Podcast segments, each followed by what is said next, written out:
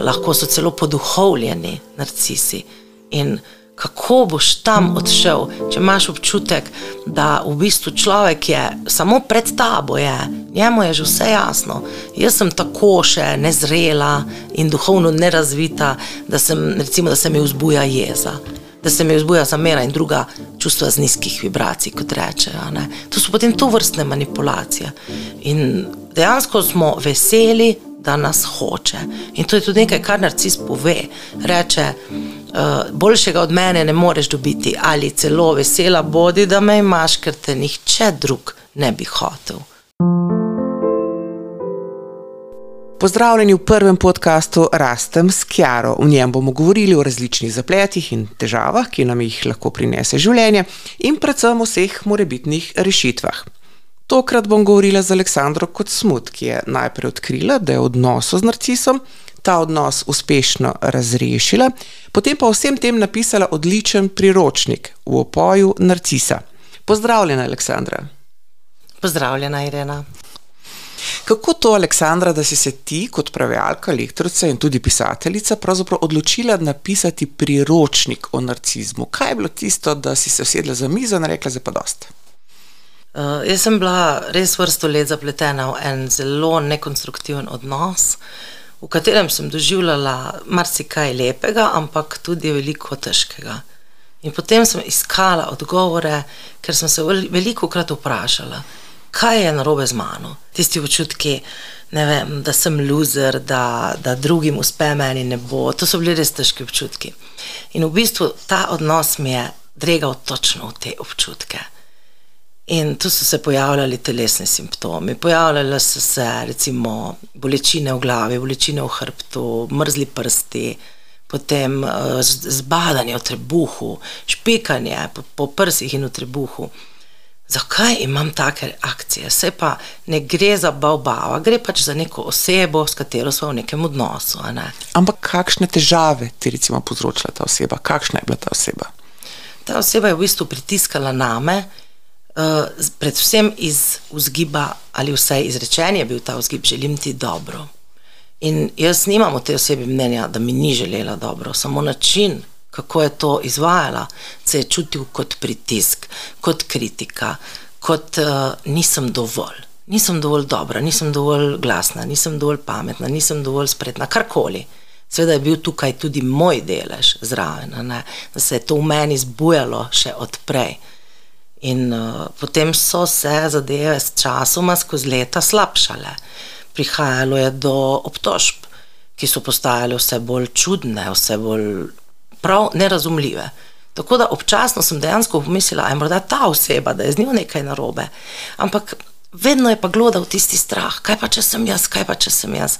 In sploh, kadar sem bila deležna tega, ne, tega očitanja, tega prenašanja odgovornosti na mene, takrat sem bila pripravljena verjeti, da je z mano nekaj narobe. Zdaj pa je potem prišlo do tiste točke, da si odkrila, da so stvari malce drugačne. Ja, ko je prišlo dovolj daleč, da sem jaz uh, imela že recimo po enem pogovoru pet dni krizo, pet dni strahu, pet dni mrzlih prstov, pet dni napetosti, pet dni potrebe po pomirjevalih. Sem si rekla, tu jaz moram raziskati, pa če se na glavo postavim, zakaj gre, ker tako ni mogoče živeti. Bila sem pa, a veš, v tistem, uh, ravno toliko, bom rekla, podprta z neko psihoterapijo, da sem se naučila, da so skrajne reakcije znak nečesa, da nekaj ni v redu. Recimo, skrajna reakcija bi bila prekiniti odnos. Ne, odnosov ne prekinjamo, to je nezrelo. Se pravi, to sploh za mene ni bila opcija, da bi jaz odnos prekinila. In torej najti način, da bo odnos funkcioniral, ok. Ampak, ko sem se jaz začela malo upirati v tem odnosu, ko nisem več hotela pristati na vse obtožbe, na lažno spravo in tako naprej, je pa stvar zelo eskalirala. Se pravi, sem bila ful v tej dilemi. Celo telo, vse mi je govorilo, prekini odnos. Ravno tisti, bom rekla, na pol poti znanja, ki sem ga pa že imela z uh, teh področji, je bilo pa, ne, tega ne smeš narediti, ker to je znak, da je s tabo nekaj narobe. Tako da tu, tu je bila zmeda. Ampak kako si potem odkrila, da je pravzaprav ta oseba, o kateri si sedaj govoriš, da je narcis? Da je recimo narcisoidna oseba. Kako? Tako da sem simptome oziroma stvari, ki so se mi v tem odnosu dogajale, začela upisovati v Google in to v angleščini, ker v slovenščini nisem kaj našla. Ko sem pa z angliškimi besedami zapisala, me je pa vrglo direktno na eno spletno stran uh, neke psihoterapeutke, ki je imela ogromno teh primerov napisanih in so bile dejansko samo pač v angleščini, besede so bile pa enake. In ta spletna stran je govorila o narcizmu. In takrat se je meni vesolje odprlo in se zgroziš, ker kar naenkrat to vidiš. In se zaveš, da, da v bistvu to, kar, sm, kar sem sprejemala kot normalno življenje, kot povsod je tako, to sploh ni res. In da stvari, ki sem jih v filmih videla, tisti lepi odnosi, ko te nekdo sliši, ko ti reče: Ah, razumem. In reče: Žal mi je. Jaz sem vedno na to gledala, ok, pač film, to v realnosti ne obstaja, ker v moji realnosti to ni obstajalo. Takrat sem začela delati, oh, kaj pa če obstaja to v realnosti, kaj pa če obstajajo taki odnosi. Samo pač jaz jih iz prakse ne poznam. In to mi je bilo ono, a lahko doživim jaz te odnose. Kako? Tako da spustim to, kar ni v redu. Takrat sem se začela spogledovati s to možnostjo, da smem dati prostor sebi in v sebi za nove izkušnje, za nove ljudi in se nehamo klepati teh starih, v bistvu zelo toksičnih vzorcev kaj potem pogledaš, vidiš, da je to in greš stran ali razrežiš, kako to pravzaprav potekalo. Predvsem sem najprej hotela izvedeti vse. Jaz sem po duši zakajček in sem hotela odgovore na vse svoje zakaje. Zato sem se res vrgla v raziskovanje, v branje, pa tudi seveda v premisleke, v spomine, v pogled v preteklost, kako se je vse skupaj dogajalo, kaj sem počela jaz v tem odnosu, kaj je moja odgovornost in seveda kaj je počela druga stran. In potem se je tega nabiralo, nabiralo, in naenkrat me je prešinilo tisto, pa to mora še kdo drug zvedeti, se pa tega ni pri nas, premalo se o tem govori. In tako se je rodila ideja za blog, za pisanje bloga, ki pa je kmalo prerasla v idejo za knjigo, ker je bilo materijala. Veš, ko se enkrat spustiš v to, tega je toliko, da tako je bilo 30 strani in potem je iz tega nastala knjiga. Ampak, če začneva pravzaprav od začetka, ne? katere so glavne značilnosti nekoga, ki ima narcizem? Značilnosti je veliko, mogoče se omejim na tiste res najbolj izrazite. Pomankanje empatije ali popolna odsotnost empatije je eden glavnih alarmov. To pomeni, da bo, če bo zaigrana, predvsem pa, ko boste res v stiski in ko ta oseba ne bo v dobrem položaju, ko ne bo dobre volje, takrat se bo to pokazalo. Takrat nas, nas lahko obtoži, da smo na laž zboleli, recimo, ker pač tej osebi ravno takrat ne ustreza, nima časa, da bi nam prinesla čaj, če tako karikiram. Potem je tu um, strašna, strašna občutljivost na vsakršno kritiko. Takoj sledi napad, zelo so defenzivni samo da se njemu zazdi, da je kritika. Ni važno, ali smo mi to dejansko mislili kot en komentar, celo kot kompliment. Tudi to se zgodi, da nekaj izrečeš, ker meniš, da je v bistvu neke vrste kompliment. Recimo, um, tale, recimo, da je ženska narcisa, ok, dobro. Tale torta ti je pa svetovno, svetovno uspela. Sej tudi, tudi tista zadnjič je bila v redu, ampak tale, tale je pa the best. Se pravi, razumeš, da eh, si dal kompliment. Pa vendar bo recimo taka oseba, hm, zakaj pa nisi zadnjič nič rekla, če ti ni bila torta všeč, se pravi, se ti je zdela za nič. A vidiš, kako eskalira. Jaz rečem, bila je dobra, ampak ta je še boljša. Narcis pa sliši, tista zadnjič je bila za nič. In to se dogaja na kateri koli tematiki, področju, kjerkoli, in moraš stopiti po prstih in ful paziti, kaj rečeš, da ne bo izpadlo kot kritika, čeprav je mi ne doživljamo kot kritiko. Narcisi pričakujejo, čeprav razumem, uh, eh, vse čas pozornost, to se pravi, da, jih vse čas občudujemo, da jih hvalimo, da so v centru pozornosti. Ja. Je tako. V glavnem je tako. Ja. Imamo sicer tudi te odkrite narcise, kjer je to zelo očitno in lahko res skoraj vsak to opazi. So pa tudi prikriti narcisi. Tisti pa to pozornost pridobivajo skozi vlogo žrtve. Se pravi, to niso nastopači, ne bodo očitno vlekli pozornosti na sebe, ampak s tem, da bodo moče sedeli vsi poklapani nekje v kotu, zato da se bo začelo vse vrteti okrog njih, kaj je narobe, kako ti lahko pomagam, v bogi, v bogi. To so pa ti, ki iz vloge žrtve pristopajo. Knjigi se je napisala, da je eden od zelo poglavitnih znakov, da imate morda opravka z narcisom, da ni nikoli ničesar kriv. To se pravi, nikoli ne prevzame odgovornost za karkoli, tudi če je očitno kriv. Kako to izgleda? Ja, to je, to je v praksi strašno frustrirajoče. Zato, ker recimo, smo prisotni v nekem dogodku, v neki situaciji, vemo, kako se je zgodilo, lahko so zraven celo neki pis, pisni materiali, karkoli, skratka, v narekovajih rečeno, dokazi. Uh, pa vendar bo narcis zanikal. Če bo pa slučajno priznal, bo pa takoj na to sledilo, da res sem to naredil, ampak zato, ker si ti vem, me prisilila, ker si me ti zmotila, ker si, me, ker si me razkurila. Skratka, nekaj bo vedno zraven pri narcisu, je vedno ampak. In v tem so tako prepričljivi, da stvari, ki smo jim bili prisotni, nas lahko prepričajo, da ni bilo tako. To je pa že gaslighting, se pravi psihološko zavajanje ali poneumljanje kjer nas uh, oseba s svojo energijo, s svojim šarmom, s svojimi grožnjami, skratka, z vsem, kar je, tako zmanipulira, da stvari, ki jih imamo na posnetkih, na fotografijah, začnemo dvomiti vanje, da vendarle ni tako.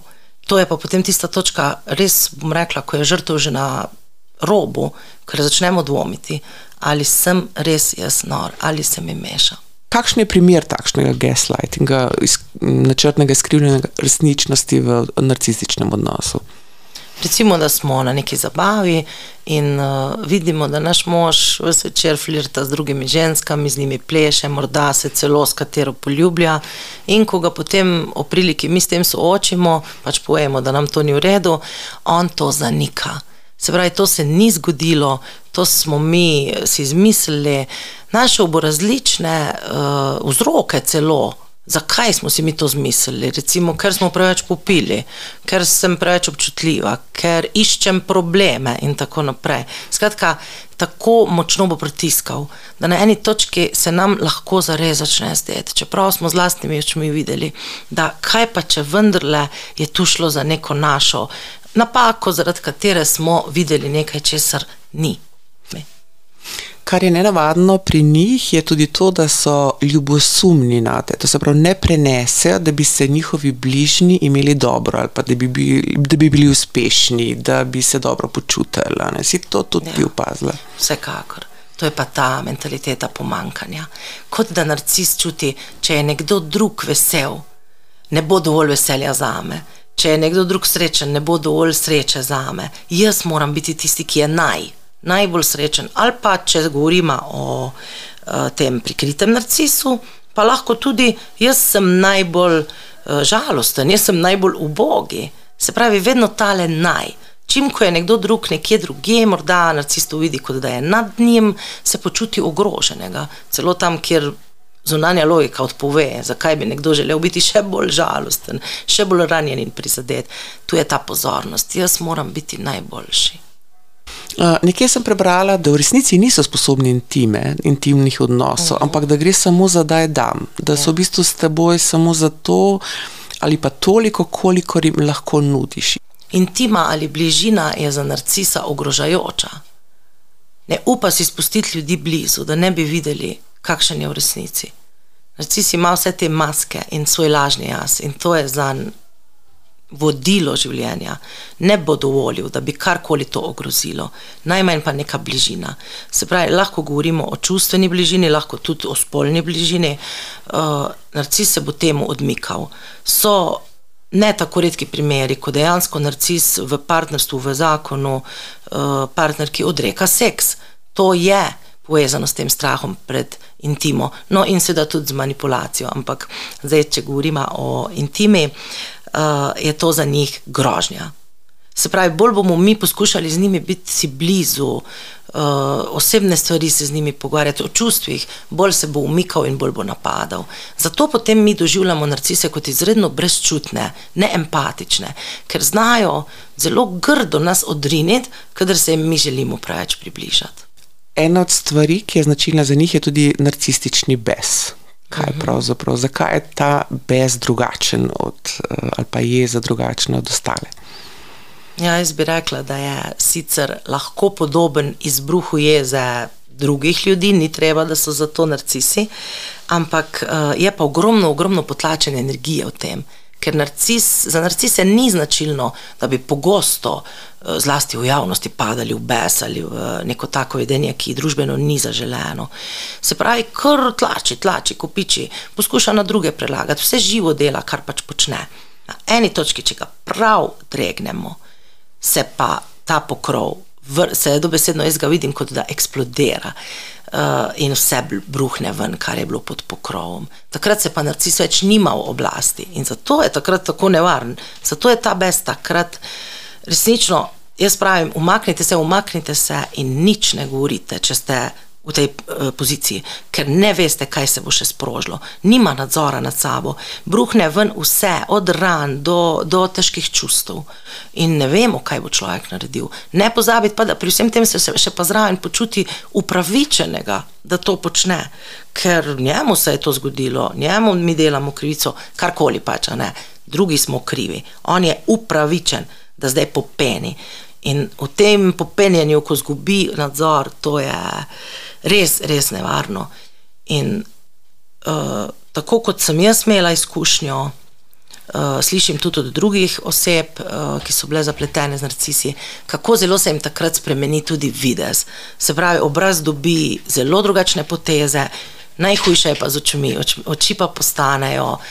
Ponadi rečejo ljudje morilske ali brez vsakih občutkov, tako kot robotske oči. In takrat se v nas vzbudi tisti strah. Jaz bi rekla, da je to nagonsko, da zaznamo, da je oseba v enem drugem stanju zavesti in da je resnično tako nevarna, da zdaj bodimo samo tiho in upajmo, da čim prej mine. Takrat ni čas, da bi se uprli narcisu, nikakor ne. To je tudi razlog, verjetno, da uh, toliko ljudi stopa po prstih okoli narcisa. Ne? In veliko krat ga tudi opisujejo kot uh, dvojno osebnost, dr. Jekyll in dr. Hyde, ne? kar je z, lahko za bližnje zelo um, neprijetno, ne? ker na vzven so lahko čudoviti, ne? Mhm. občudovani, ljudje jih spoštujejo, uh, uh, lahko ti govorijo, kako je tvoj partner, tvoj oče, tvoj sodelavec, čudovit človek, ko pa pridejo za ko zaprejo vrata stanovanja, ko pridejo za štiri stene, potem pa naenkrat druga osebnost. Ja, in to je noro boleče in izredno te zmede. Na začetku sploh ne veš, a si res ti vzrok, a sem jaz vzrok, da se tako vede. Uh, Kot ti drugi ljudje rečejo, ti imaš krasnega brata, sestro, mamo, partnerja, se ni važno, ne kogar pač, kako to boli. Se pravi, do teh ljudi je ta človek res to, kar bi si jaz zelo želela, da bi bil tudi do mene, pa ni. Ampak težava je pravzaprav v tem, da je narcisa težko prepoznati. Ja. Ker so v, na začetku, ker so pogosto na začetku šarmantni, prijazni. Ka, zakaj je pravzaprav narcise tako zelo težko prepoznati? Zato, ker nam dajo točno tisto, kar želimo. Narcis je briljanten bralec karakterjev tak je moral postati in to mu zdaj zelo služi. Točno to, kar mi rabimo, nam narcis bodi si da, reče, izrazi s telesno komunikacijo in tako naprej. In to nas pritegne kot veščo luč. In se nam tak človek zazdi dobrosrčen, prijazen, krasen, pošten, zvest, lojalen, pripaden, skratka, sami plusi človek, kakršnega smo morda iskali vse življenje. Narcis nas prepozna, jaz rečem, da nas zavoha, točno ve, kaj potrebujemo. Ampak zdaj, ko ozaveščamo o vsem tem, je lahko ravno ta krasota znak, da nekaj ni v redu, ker takih ljudi ni. Ljudi, ki bi nam brali vsako željo iz oči, ki bi nas nosili po rokah, ki bi nam bili 24 ur pripravljeni nuditi pomoč, razpolago, karkoli. Žal, takih ljudi ni.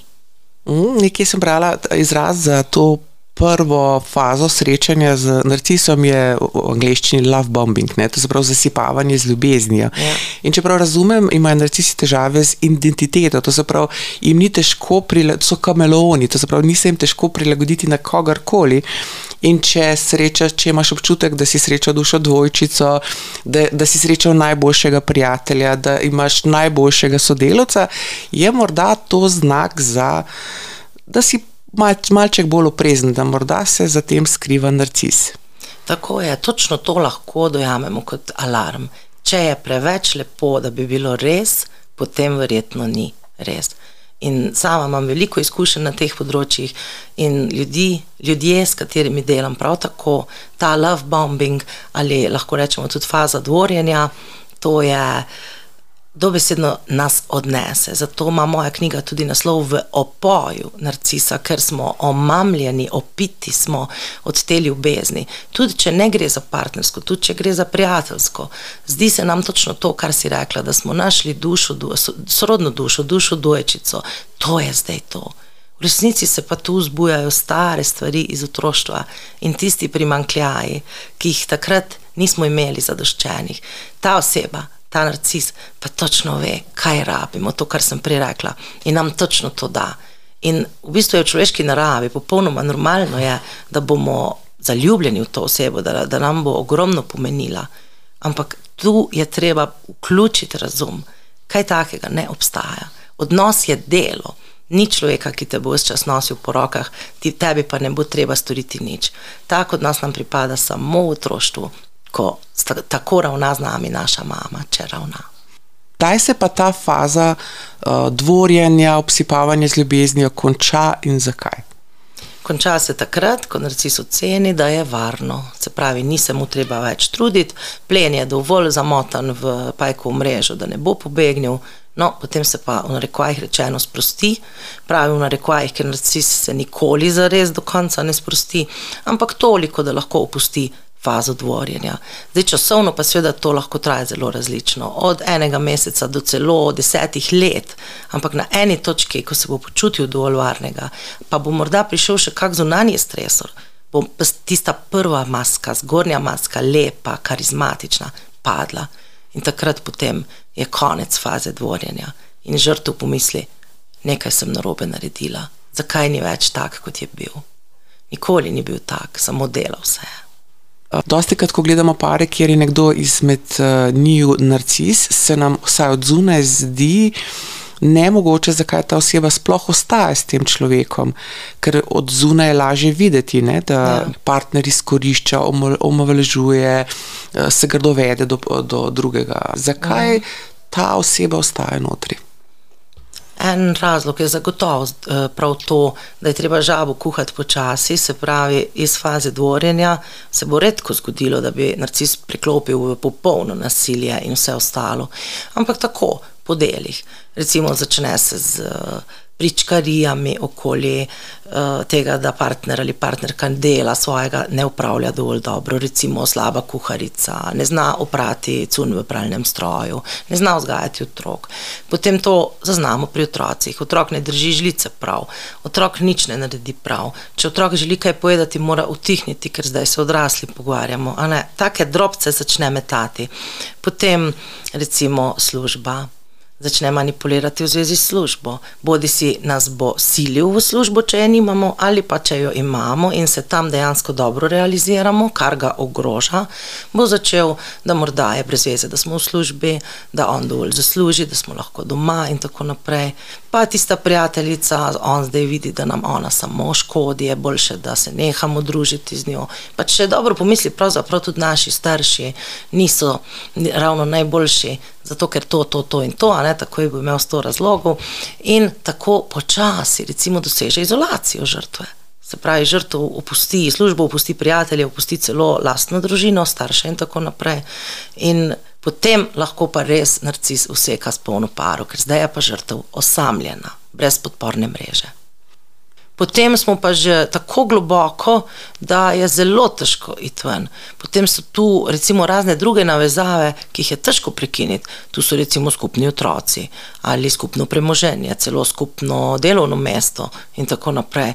In si ne predstavljaš, kako bi vse to sploh razpletel v sta vozil.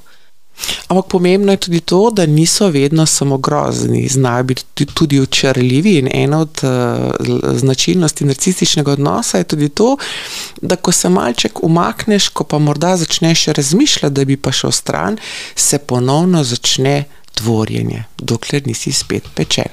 Točno tako, točno tako. In dejansko z narcisi lahko doživimo marsikaj lepega, prijetnega, uh, ni vse slabo In to je še en vidik, zakaj je tako težko oditi. Mogoče v kakem drugem toksičnem odnosu je veliko več prisotnega na vsakodnevni bazi, recimo pretepanja in drugega nasilja. Pri narcisu nismo še omenili aristokratskih narcisov, tako jim jaz pravim. To so pa tisti, ki nikoli ne eh, pokažejo nasilja skozi udarce ali skozi povzdigovanje glasu ali skozi zmerjanje. Eh, lahko so celo poduhovljeni narcisi. In kako boš tam odšel, če imaš občutek, da v bistvu človek je samo pred tabo, je, njemu je že vse jasno. Jaz sem tako še nezrela in duhovno nerazvita, da, sem, recimo, da se mi vzbuja jeza, da se mi vzbuja zamera in druga. Čustva z nizkih vibracij, kot rečejo. Ne. To so potem to vrstne manipulacije. In dejansko smo veseli, da nas hoče. In to je tudi nekaj, kar narcis pove. Reče, uh, boljšega od mene ne moreš dobiti, ali celo vesela bodi, da me imaš, ker te nihče drug ne bi hotel. Ne? S tem pa hrani naš strah, naš primarni strah, da nismo dovolj dobri. Ampak uh, problem je tudi v tem, da v trenutku, ko pa začnemo razmišljati, da bi šli, uh, odšli iz tega odnosa, se naenkrat vse spremeni. Ja, takrat eh, lahko ta oseba uporabi res zelo raznovrstne prijeme, kako bi nas eh, prepričala, da ostanemo. Eh, dobro, vmes so sicer tudi lahko grožnje. Na eni točki se bojo pojavljale, ampak na začetku bo pa morda narcis začel z nekim podobni fazi dvorjenja, z nekim dvorjenjem ponovnim, ali recimo ker izražajo svojo naklonjenost skozi eh, materialno, bo neki kupu, bo nam neki prinesel in tako naprej. Morda smo ga pet let prosili za nekaj, pa ni. Ravno takrat, ko smo se odločili, da gremo, bo tisto stvar recimo kupil ali plačal tisti dopust ali kaj podobnega. Uh, potem seveda zagotavlja ljubezen, poskuša nas verbalno, a ne ponovno osvojiti in prepričati. Brez, celo tako daleč gre, brez tebe ne morem živeti, grozi samomorom.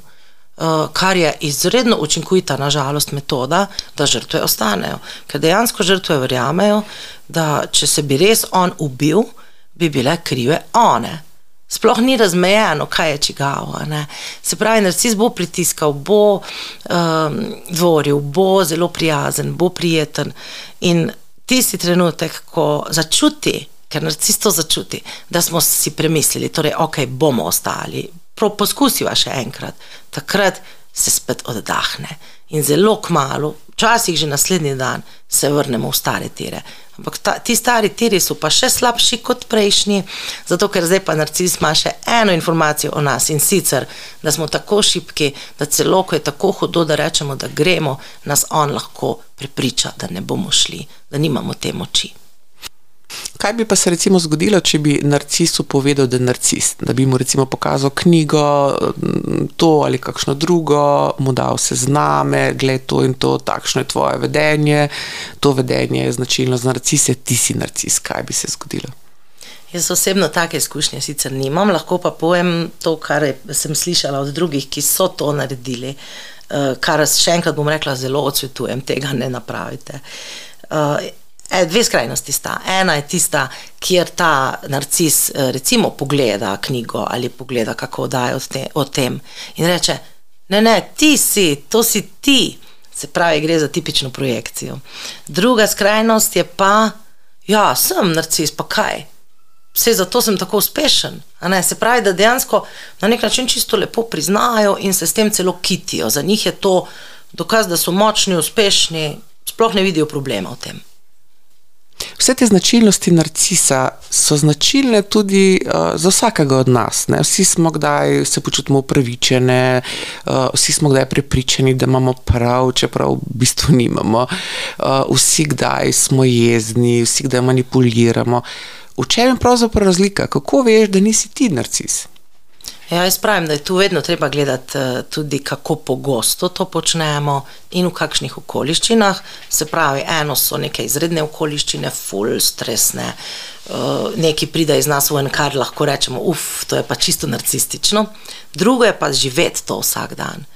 Poleg tega, moje izkušnje so take in to potrjujejo tudi izkušnje ljudi, s katerimi delam, da te lastnosti, ki so recimo v knjigi opisane, teh 17 lastnosti, vse čas narašča.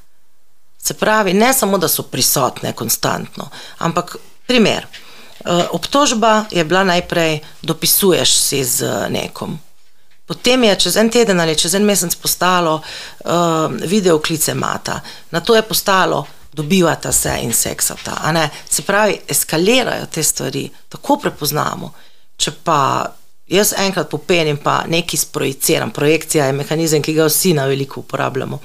Sprojiciram na nekoga, poglej se, kakšen si. In mu dejansko zmečemo v obraz stvari, ki mene pri meni motijo.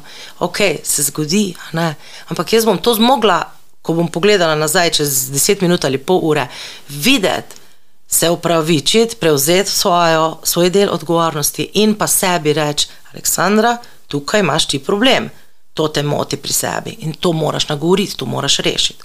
Narcis pa ne, narcis pa nikoli, noben čas ne pomaga, da bi narcis prišel do trenutka, ko bi rekel: ojoj, pa se to, kar sem njej učital ali njemu, pravzaprav jaz počnem. Ne uvidijo tega. Torej, morda smo odkrili, da je nekdo izmed naših bližnjih narcis in da živimo v narcističnem odnosu. Kaj sedaj, kaj pravzaprav storiti? Jaz bom rekla tako: praksa kaže, da najprej potrebujemo čas, v katerem bomo to, kar smo končno ozavestili, nekomu povedali.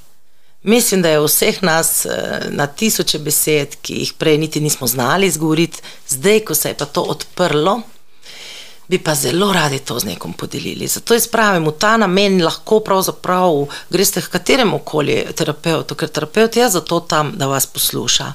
Ali prijatelju, ali pa še nekomu, ki ga imate, ki je lahko vaš zaupnik. In pravim, govorite, govorite, govorite, da spravite tisto najhujše iz svojega sistema zato da bo potem prostor za delo na sebi. Ne pa, da se poskušate ukvarjati že z delom na sebi, pa se zataknete v, joj, kaj mi je naredil, pa zdaj mi je spet poslal tak uh, eh, SMS. Ne, ne, ne, ne, ne. To dajte najprej v sistema v največji možni meri, potem pa delo na sebi. Jaz sem v skupini Vrtnice zasnovala program samoukrepitve, ki gre postopno. Torej, od tega pričakujem, da ko vstopite v skupino, ste knjigo že prebrali, ampak zdaj pa začnimo, zdaj ste pa vi fokus. Ne več narcis, vi, ki delate, ki boste delali. Se pravi, začnemo z prepoznanjem obrambnih mehanizmov, ker to je tako, kot bi hoteli priti do, trdnja, eh, do gradu, okrog je pa obrambni zid. Če obrambnega zida ne premagaš, ne boš prišel do gradu. In to so naše obrambe. Začnemo tu in potem vse bliže, vse bliže do sebe. Se pravi, temelj je fokus na se. Ker to, da smo se mi z narcisom zapletli, ni kriv tale naš narcis, da smo se mi z njim zapletli. On je vrgel vabo, mi smo se pa ujeli. Ampak so vzroki drugje in tiste vzroke pa lahko spremenimo, lahko razrešimo. Tukaj Uh, se pravi, njega ne moremo spremeniti in rešiti sebe, pa lahko. Tukaj je naša moč. Na kaj smo se pravzaprav ujeli? Na marsikaj bi jaz rekla. Torej, neki je ta šarm in karizma, ki smo jo že večkrat omenili, ampak tu so globoke, stare rane iz otroštva, ki še niso zaceljene, poleg tega so primankljaji, ki niso bili izpolnjeni. In občutek je, da bomo to dobili od te osebe. Zato, ker ta oseba na začetku tako deluje in nam vse to nudi.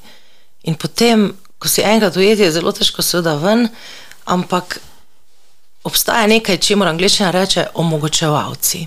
To so ljudje, smo ljudje, moram reči, tudi jaz sem bila med njimi, ki omogočamo nasilniku ali narcisu ali skratka neki toksični osebi, da se tako do nas vede. Zato, ker ne postavimo, ne znamo postaviti meja, zato, ker smo prestrašeni, ker živimo v iluzijah in tako naprej.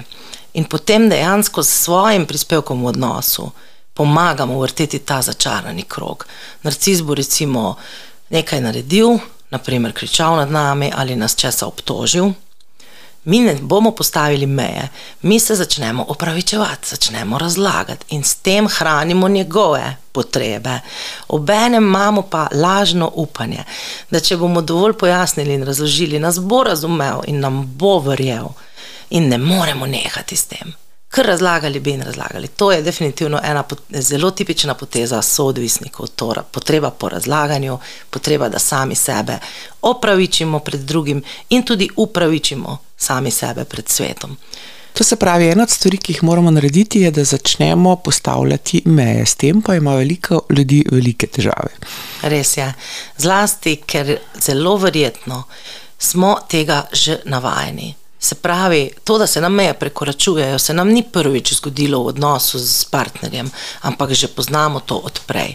Izhajamo pogosto iz takih družin, kjer so bile meje neupoštevane, pre, prekoračevane ali pa sploh niso obstajale. In dejansko ne vemo, kaj pomeni postaviti mejo, kaj pomeni sebi postaviti mejo. Če smo že od doma vajeni, da so nam bile meje prekoračevane, da se nas ni upoštevalo, in pa tudi samih odnosov v smislu nasilje je ljubezen. Če je oče nasilen do mame, obenem naj bi se imela parada, je pač to definicija ljubezni. Če me mama kaznuje, ignorira, ampak je to moja mama, ki me ima a priorno rada, potem je to ljubezen. Vseh teh definicij se naučimo podzavestno že v otroštvu. In ko pridemo v odraslosti v tak odnos, se nam zdi to popolnoma samoumevno. Sploh ne prepoznamo, da je kaj narobe, ker to je domače, to je znano in to je v bistvu otrok to doživlja kot edino mogoče, edino možnost. Uh -huh. uh, kaj pa potem? Ker recimo ti prepoznaš to, to se pravi, ko prepoznaš, da to izvira iz tvojega otroštva, kaj potem? No, potem je pa čas za naslednji korak, se pravi, za resnično globok pogled vase. Tu je pa zdaj treba začeti vzpostavljati stik s sabo. Se pravi, za orad v tisto, morda za večino ljudi najtežje področje primarnih ran. Kaj v resnici mislim in čutim o sebi, kako se v resnici pod vsemi obrambami in afirmacijami počutim in zakaj. Jaz pravim, ne moreš rane celiti, če je ne vidiš in ne čutiš. In ob tem, na tej točki, jaz zelo toplo svetujem pomoč eh, strani psihoterapije, ker sami bomo to zelo težko izpeljali.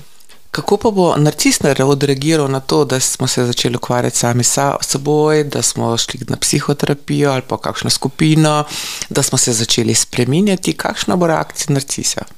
Običajno, če že je reakcija eh, negativna v smislu, kam zdaj hodiš, ti perejo možgane, postala si čisto drugačna.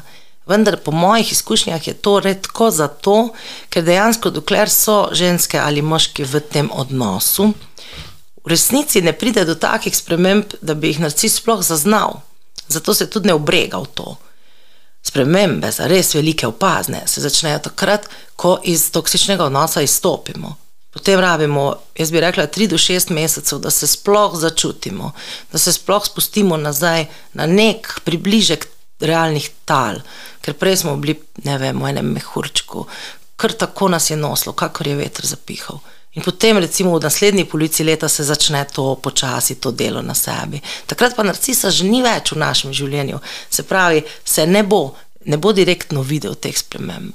V toksičnem odnosu, dokler smo v njem, lahko naredimo minimalno, tako je moje mnenje. Minimalno 20% recimo dela na sebi ker ne moreš, ker je energija taka, ker te nekdo vse čas ti zgradiš, on ti podre, ti zgradiš, on ti podre. Da ne govorimo o samem času, o sami energiji, tej vsakodnevni. Treba je skrbeti za gospodinstvo, za službo, za morebitne otroke, treba je skrbeti za narcisa. Narcis je naš drugi, tretji, četrti otrok. Kje, kje boš dobil čas za delo na sebi, motivacijo, voljo, energijo? Kje?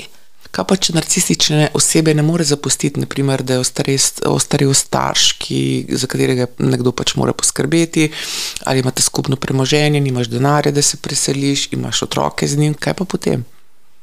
Ja, nekje je treba začeti. Se pravi, predlagam res maksimalno, kolikor se da, izobraževanje o tem, poslušanje raznih posnetkov, branje knjig, čim bolj ozaveščanje. In spotoma se bomo lahko naučili tudi bolj konstruktivne komunikacije z narcisom.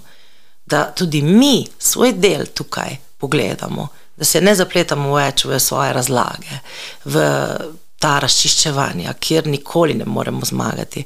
Ampak se poučimo o tehnikah, kot je recimo siva skala, se pravi, da se ne energijsko nič kaj ne angažiramo v pogovoru, da samo rečemo, mm -hmm, pač nekaj čim bolj kratkega, mlačnega, s tem tudi narcisu ne dajemo hrane. Ali pa recimo BIF komunikacija. BIF je kratica za uh, kratko, jedrnato, s podatki in uljudno. Se pravi, da res komuniciramo tisto, kar je nujno treba skomunicirati in sicer uljudno. Sicer je res, da tudi v teh primerih lahko narcis eksplodira in nas obtoži, da smo hladni, da smo formalni, kaj se gremo. Ampak, če dovolj časa ustrajamo, zmanjšamo količino energije, ki jo s tem njemu namenjamo, in žal, no, to sicer zveni mogoče malo hudo, ampak začel bo iskati novo žrtev, da bo od nje pil. Kar pomeni, tudi če smo še v odnosu, če še živimo s to osebo, lahko mi zaščitimo svojo energijo in je več ne dajemo v taki meri narcisu kot prej. Če pa se odločiš, da boš odšel, kakšen je razhod z narcisom? Hmm, razho razhod z narcisom. Ja, običajno je buren. Pred razhodom je treba poskrbeti za kup stvari čisto takih materialnih, logističnih, se pravi, da imamo nekam id, da imamo nekaj denarja, da imamo podporno mrežo ljudi, da imamo spravljene oziroma narejene kopije raznih dokumentov, recimo o kakem kreditu, o kakih pogodbah in tako naprej. No, vse je treba pomisliti, celo na ključ od poštnega nabiralnika, da imamo svojo kopijo, da se res pripravimo in pa seveda čustveno, da smo dovolj močni, da vemo, zakaj gremo. In tu je ta pomembna stvar. Da, ko si dovolj čustveno močen, ti je res kristalno jasno, grem oziroma odnos prekinjam zato, ker odnos meni škodi. Fokus je na sebi. Se pravi, ne zato, da bom njemu pokazala, da ne more brez mene, da bom njega kaznovala. Ne, ne, ne. Če to počnete, ne hodite od narcisa, ker se boste vrnili. Ko naprimer zapustiš narcisa, uh, začneš živeti svoje življenje, kaj pa potem, kaj se dogaja potem s teboj, kaj je potem najbolj pametno narediti? Ja, to je faza okrevanja. Okrevanja po narcistični zlorabi, o kateri berem, da traja vsaj tri leta in bi se kar strinjala. Prvo leto je res namenjeno temu, da začutimo sebe, da zaslišimo sebe, da opredelimo, kje sploh imamo težave in potem, da zaorjemo ta proces dela na sebi. Uh, predvsem je tu pomembno, da morda prvič v življenju damo fokus na sebe, torej ne na druge ljudi ampak nas in na odnos s sabo. To je najpomembnejši odnos našega življenja, odnos, ki ga imamo sami s sabo. Se pravi, zelo odsvetujem, da bi se takrat zapletali v nove odnose. Zelo rado se nam reč zgodi, da bo takrat prišel v naše življenje spet nov narcis, ker mi še nismo zaključili te zgodbe in ga ne bomo prepoznali. Ta novi narcis bo že vizualno totalno drugačen, morda sploh ne bo privlačen. Poleg tega bo pa vključil fazo dvorjenja in bomo verjeli, znova bomo nasedli. In čez pet let ugotovimo, da smo znova v zvezi z narcisom. To so primeri iz prakse, ki jih poznam. Se pravi, vzemimo si leto, dve, morda celo tri, ko smo sami s sabo da mi naučimo se biti sami sabo, imeti odnos do sebe, zaupati vase, se identificirati, kdo sploh smo, kaj želimo v življenju, se posvetiti svoji rasti, svojim ciljem, ambicijam, sanjam. Zdaj je ta čas za nas. Izkoristimo to težko izkušnjo z narcisom za nekaj dobrega in ne za ponavljanje vzorca. Ti si ustanovila skupino, v kateri se srečujete ljudje, ki ste imeli izkušnje z narcisi. Kaj pravzaprav tam počnete? To je, jaz pravim, delovno-terapevtska skupina, zato ker tukaj se izmenjujejo izkušnje, je pa fokus na delu na sebi. Se pravi, v skupini poteka program, ki se imenuje program samoukrepitve in ima štiri stopnje. Začnemo na začetku, torej pri obrambah, zaključimo pa na koncu, to je pa pri tistem višjem, višjem, višji perspektivi, pri duhovnem. Vmes je pa vse delo, to, kar sem omenjala, torej odnos s sabo, celjenje svojih notranjih ran in tako naprej. Skupina ima poseben učinek že zato, ker je skupina, ker je tu ta energija in sinergija skupine. Torej, ko se nekdo vključi v skupino, ve, da je med ljudmi, ki točno razumejo, kaj je doživljal ali doživlja. Ni treba nobenih razlag, da bo dobil sočutje, da bo dobil validacijo, da se ne bo počutil, počutila samo, v smislu meni se to dogaja, ker sem tako slaba, drugim pa ne. In se že z tega vidika tudi vzpostavljajo potem povezave in celo pridajo včasih na prijateljsko raven. Tako da ta skupina in to skupinsko delo je tista pripadnost, ki smo jo morda vse življenje pogrešali in se počutili, da ne spadamo med druge ljudi. Tukaj je ta občutek, spadam, točno sem. In s tem stavkom bomo tokrat zaključili na en podcast. Aleksandra, hvala, da si prišla, hvala, da si se z nami pogovarjala, hvala, da si z nami delila svoje izkušnje.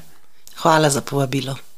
Knjigo o poju Narcisa, ki je Aleksandra pisala pod pseudonimom Loti Palmer, lahko dobite v vseh knjigarnah. Lahko pa je kupite kar preko internetne strani založbe Kjare.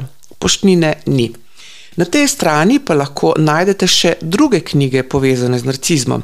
Ena najnovejših je naprimer knjiga Odraščanje ob narcisu, ki je nujen priročnik za vse, ki so se s težavnimi in pogosto toksičnimi narcističnimi osebnostmi morali soočati že v otroštvu. To je bilo tokrat vse. Kmalo pa se slišimo z novo temo, novo zgodbo in novimi rešitvami.